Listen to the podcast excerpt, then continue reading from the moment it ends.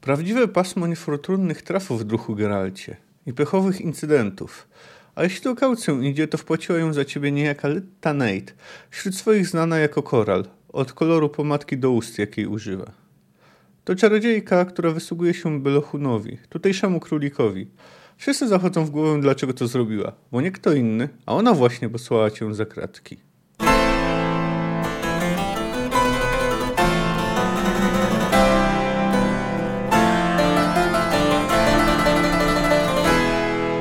Cześć, jestem Kamil K., a Ty słuchasz mojego podcastu Fantastyka Krok po Kroku. Analizuję w nim rozdział po rozdziale lub opowiadanie po opowiadaniu wybrane książki fantastyczne. Zapraszam.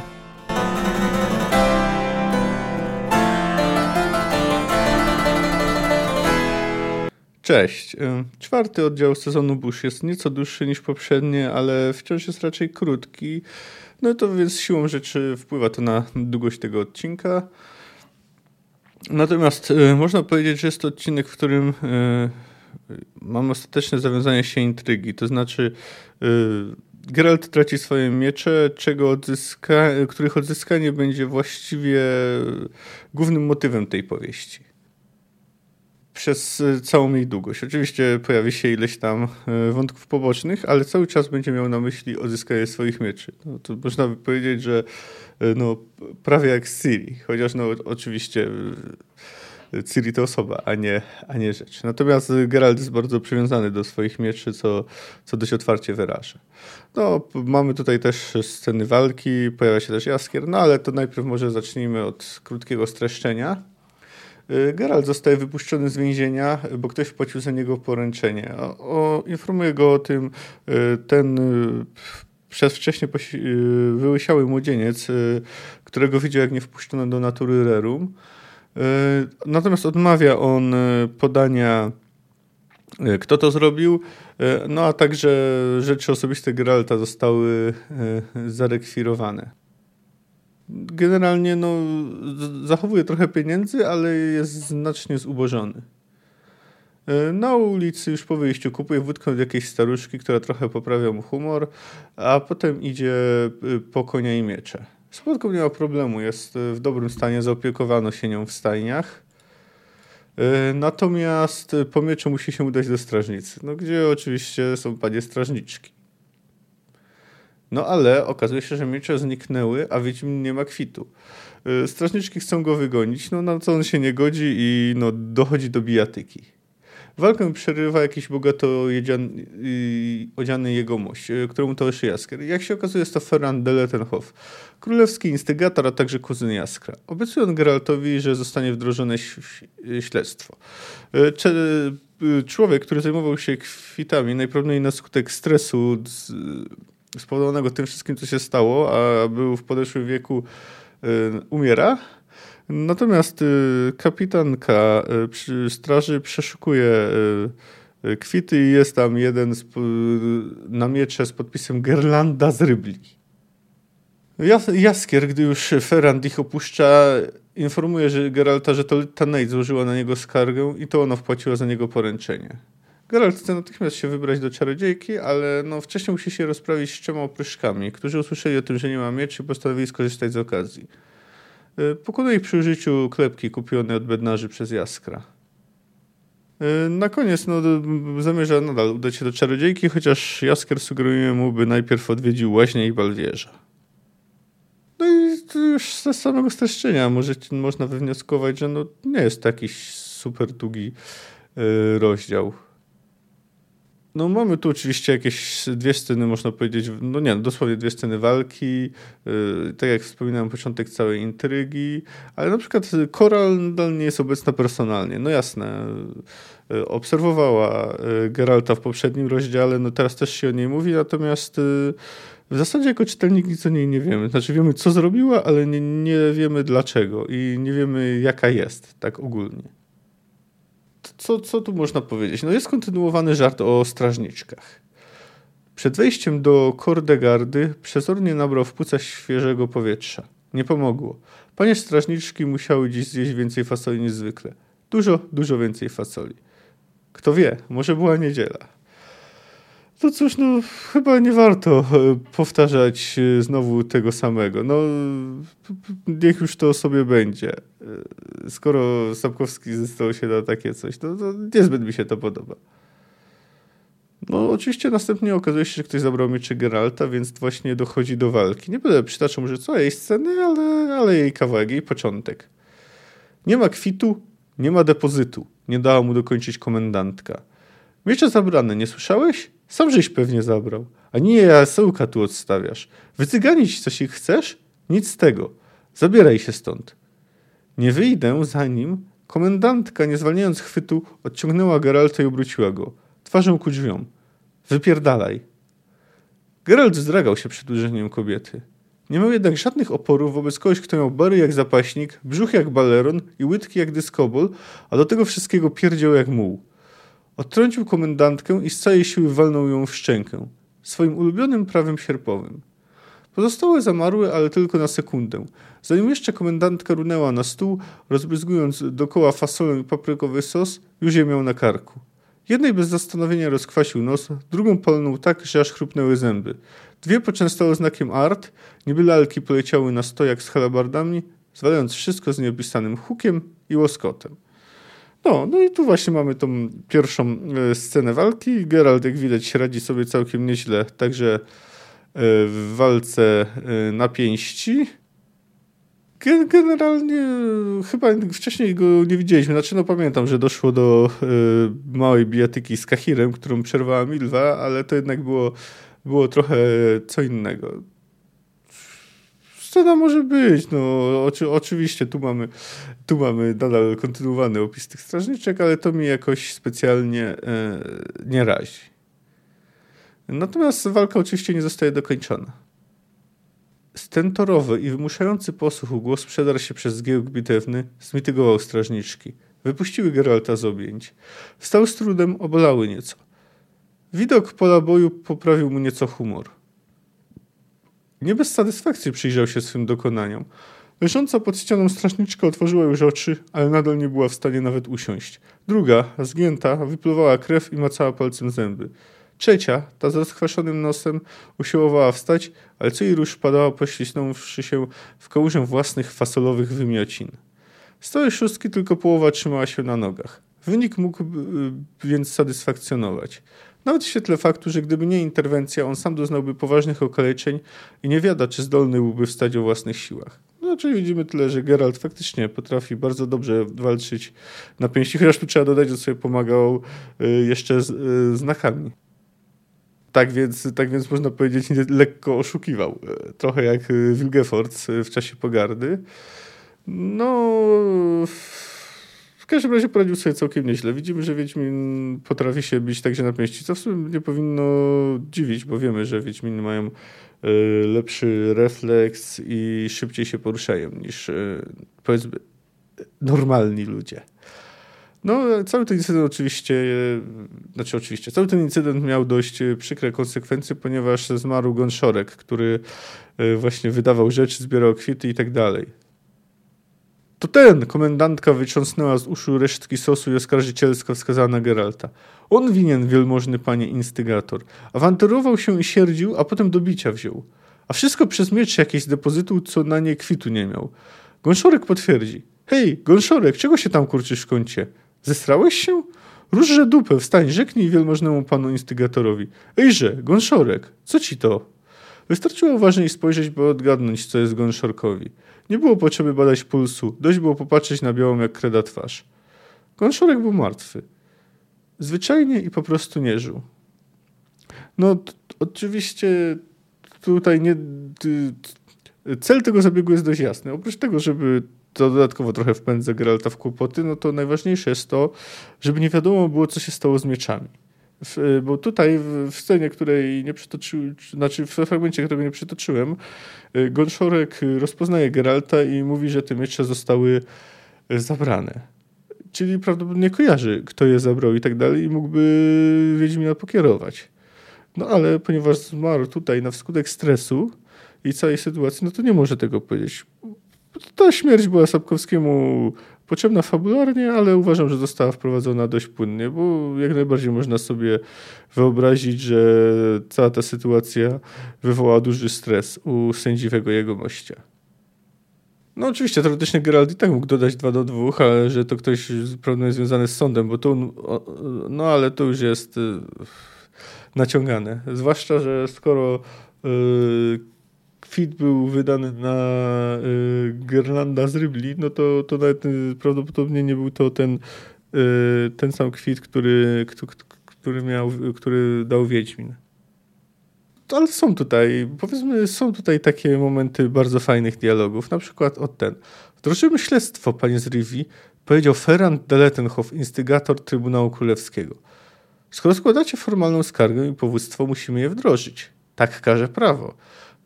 Weźmiemy na spytki wszystkich, którzy podczas aresztowania i w sądzie mieli dostęp do twoich rzeczy.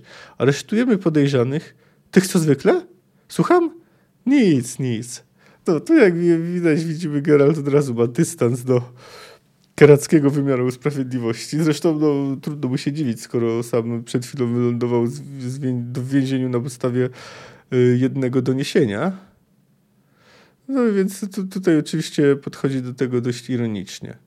E, aha, no i to jeszcze jak chodzi o tytuł Teranta, tytuł instygatora królewskiego, no to faktycznie on e, funkcjonował w Polsce, no i był to, można powiedzieć, taki e, królewski oskarżyciel. Oskarżyciel publiczny. No, tak, tak to nawet jest określane. Później już tak pod koniec istnienia I Rzeczpospolitej to, to zajmował się głównie sprawami zdrady stanu i po, po obrazy majestatu, ewentualnie kwestiami podatkowymi, aczkolwiek niekiedy brał także udział w prywatnych sprawach, ale wtedy też później zresztą, no zresztą w trakcie istnienia tego urzędu pojawiali się też instyga, instygatorzy grodzcy, którzy załatwiali sprawy w miastach. No a co do właśnie tego podpisu. Proszę, wskazała z triumfem, jak w, pokwitowanie odbioru, podpis Gerland z Rybli. Przecie mówiła, że jako wie, Wiedźmin był tu i sam swe miecze zebrał. A teraz cygani. Pewnie, żeby odszkodowanie zgarnąć. Przez niego gąszorek kopyta wyciągnął. Od turbacji żółć go zalała i szlak go trafił. Ani ona, ani żadna ze strażniczek nie zdecydowała się jednak poświadczyć, że któraś Geralta podczas odbierania broni faktycznie widziała. Dzięki mi jacyś się tu kręcą, brzmiało wyjaśnienie. One były zajęte, bo jadły. Y, no i tutaj tak trzeba zwrócić uwagę, czyli y, tu mamy nie y, prawdopodobnie nie podpis na, y, nie sam kwit, który został mu wydany, tylko, tylko właśnie podpis tego, co dawał kwit. Zresztą Gorszolek dość jasno mówił, że dostał kwit, czyli być może on nawet myślał, że to Geralt kogoś, y, kogoś posłał y, po te miecze. Ewentualnie zakładał, że będzie siedzieć w więzieniu, więc pewnie może ktoś z sądu poszedł je zarekwirować. No w każdym razie tu nie Geralt podpisał się jako Gerland z Rybli, tego możemy być pewni. E, no i niespecjalnie Geralt też ufa Ferrantowi. E, dość jasno mówi to Jaskrowi, bo on przez moment rozważa e, ucieczkę, natomiast Jaskier sugeruje mu, żeby tego nie robił, bo byłoby to niemalże jak przyznanie się do winy. Mm, no i tutaj Jaskier mówi mu, że Ferrand mu jak najbardziej wierzy, że ponieważ jest y, y, krewnym Jaskra, no to jego y, oświadczenie wiele mówi, natomiast Wiedźmin mówi tak. Nie odniosłem takiego wrażenia, stwierdził Geralt. Wręcz przeciwnie. Czułem, że mi nie dowierza. Ani w sprawie rzekomych malwersacji, ani w sprawie zniknięcia mieczy. Słyszałeś, co mówił o dowodach? Dowody to dla niego fetysz. Dowodem na przekręty będzie zatem donos, a dowodem mistyfikacji z kradzieżą mieczy podpis Gerlanda z Rybli w rejestrze. Do tego ta mina, gdy ostrzegał mnie przed opuszczeniem miasta. No więc, no, no cóż, Geralt tutaj wykazuje się rozsądkiem, chociaż oczywiście miasta nie opuści no, z wielu względów, to jednak y, wie, że, znaczy czuje, że, że jest niebezpieczeństwo i że Ferrand, y, no cóż, Wie, dowiemy się o nim trochę więcej y, w biegu powieści. No i tu jest już niemal koniec, no ale warto przytoczyć jeszcze, tym razem w pełni przytoczę scenę, czyli tę walkę y, z tymi y, rozbójnikami, którzy go napadli. Wróć do bednarzy i przynieś mi klepkę. Co? Przynieś mi klepkę, prędko. Uliczkę zagrodziło trzech potężnych drabów o zakazanych, niedogolonych i niedomytych gębach. Jeden barczysty tak, że niemal kwadratowy trzymał w ręku kutą pałę, grubą jak handszpak kabestanu. A, no i tutaj y, tak tonem y, wyjaśnienia, no to y, handszpak to był taki drąg, który służył do, który wpławiał w ruch elementy na statku żaglowym. Natomiast kabestan to po prostu jest rodzaj, rodzaj statku. Drugi w kożuchu włosem na wierzch niósł tasak, a zapasem miał toporek abordażowy. Trzeci smagły jak żeglarz uzbrojony był w długi i paskudnie wyglądający nóż. No i tutaj, no to tutaj widzimy, że ci prawdopodobnie byli jakimiś tam marynarzami. No, często nie są to, powiedzmy, zwłaszcza w różnych opowieściach i tak dalej, indywidua zasługujące na szacunek. Nie mówię oczywiście o współczesnych marynarzach. Hej ty tam, rywski śmierdzielu, rozpoczął ten kwadratowy. Jak się czujesz bez mieczów na plecach? Jakby z gołą dupą pod wiater, co? Geralt nie podjął dyskursu. Czekał. Słyszał, jak Jaskier kłóci się z bednarzami o klepkę. Już nie masz kłów odmieńcze, jadowita wiedźmińska gadzino, ciągnął kwadratowy, z całej trójki wyraźnie najbieglejszy w sztuce oratorskiej. Gadałby z kłów, nikt się nie zlęknie. Bo to tyle, co robol albo insza minoga glizdowata. My takie plugastwo pod but bierzemy i na miazgę miażdżym. Co by nie pośmiało więcej do miast naszych zachodzić, pomiędzy poczciwe ludzie. Nie będziesz patalcze naszych ulic śluzem swoim kaził. Bij jego zuchy. Geralt, łap! Chwycił w locie rzuconą mu klepkę, uskoczył przed ciosem pałki, przylał kwadratowemu w bok głowy, zawirował, trzasnął zbira w kożuchu w łokieć, zbir wrzasnął i upuścił tasak. Wiedźmin uderzył go w zgięcie kolana i obalił, po czym przewinął się obok i zdzielił klepką w skroń. Nie czekając, aż zbiór upadnie i nie przerywając ruchu, ponownie wywinął się spod pałki kwadratowego, palnął w palce zaciśnięte na drągu. Kwadratowy zaryczał z bólu i puścił pałkę, a Geralt uderzył go kolejno w ucho, w żebra i w drugie ucho. A potem kopnął w krocze z rozmachem. Kwadratowy padł i zrobił się kulisty, zwijając się, kurcząc i dotykając ziemi czołem. No i tutaj chcę na przerwać, bo yy, no widać tutaj trochę ten styl Sapkowskiego w tych, w tych opisach, już w tym stwierdzeniu, że kwadratowy zrobił się kulisty i tak dalej. No i są tu takie pewne, yy, nazwą to przebłyski. Yy, kontynuując. Smagły, najzwinniejszy, najszybsze strójki, zatańczył wokół Wiedźmina. Zręcznie przerzucając nóż z ręki do ręki, zaatakował na ugiętych nogach, tnąc krzyżowo. Geralt bez trudu unikał cięć, odstępował, czekał aż wydłuży krok. A gdy to się stało, za maszystym ciosem klepki odbił nóż, piruetem okrążył napastnika i zdzielił go w potylicę. Nożownik upadł na kolana, a Wiedźmin łupnął go w prawą nerkę.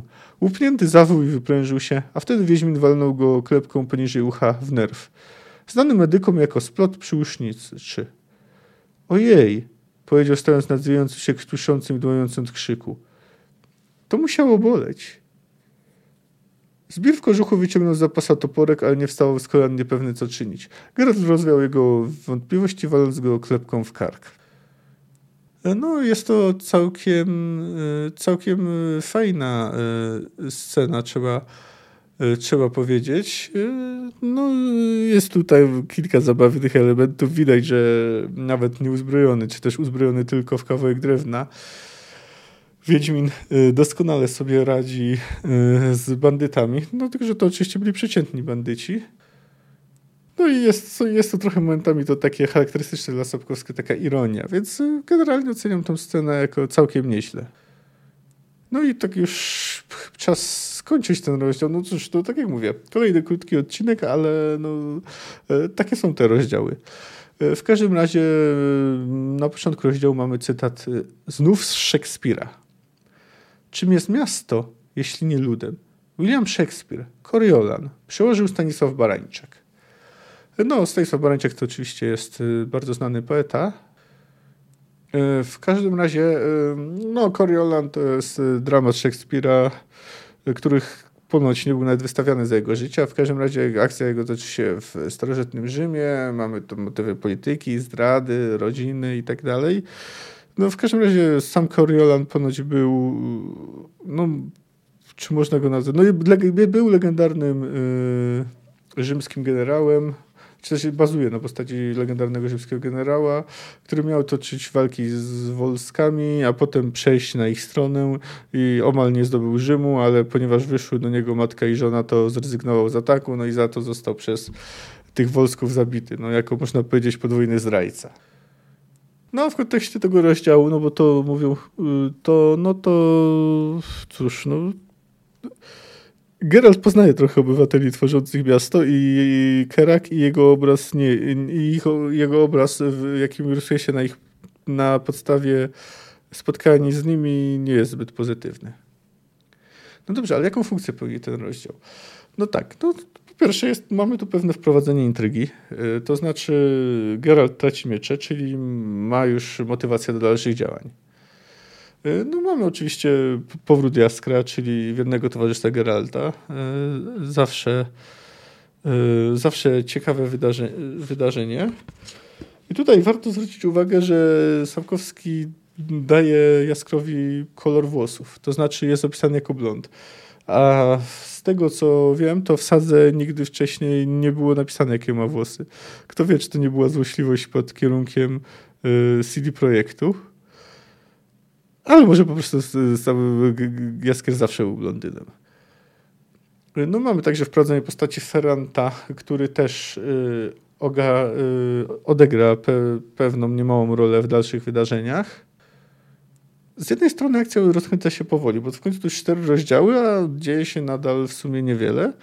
No ale trzeba też zwrócić uwagę, że no to cztery rozdziały, ale to też tylko 48 stron, więc jak do wprowadzenia w powieści fantazy to wcale nie tak dużo. Są powieści, gdzie takie wprowadzenie to zajmuje i 200 stron. E, no w każdym razie kolejny rozdział też nie jest jakiś specjalnie długi, no ale Geralt y, tak można powiedzieć, oficjalnie spotyka się w nim z Koral. E, no dziś to tyle. E, do usłyszenia, cześć.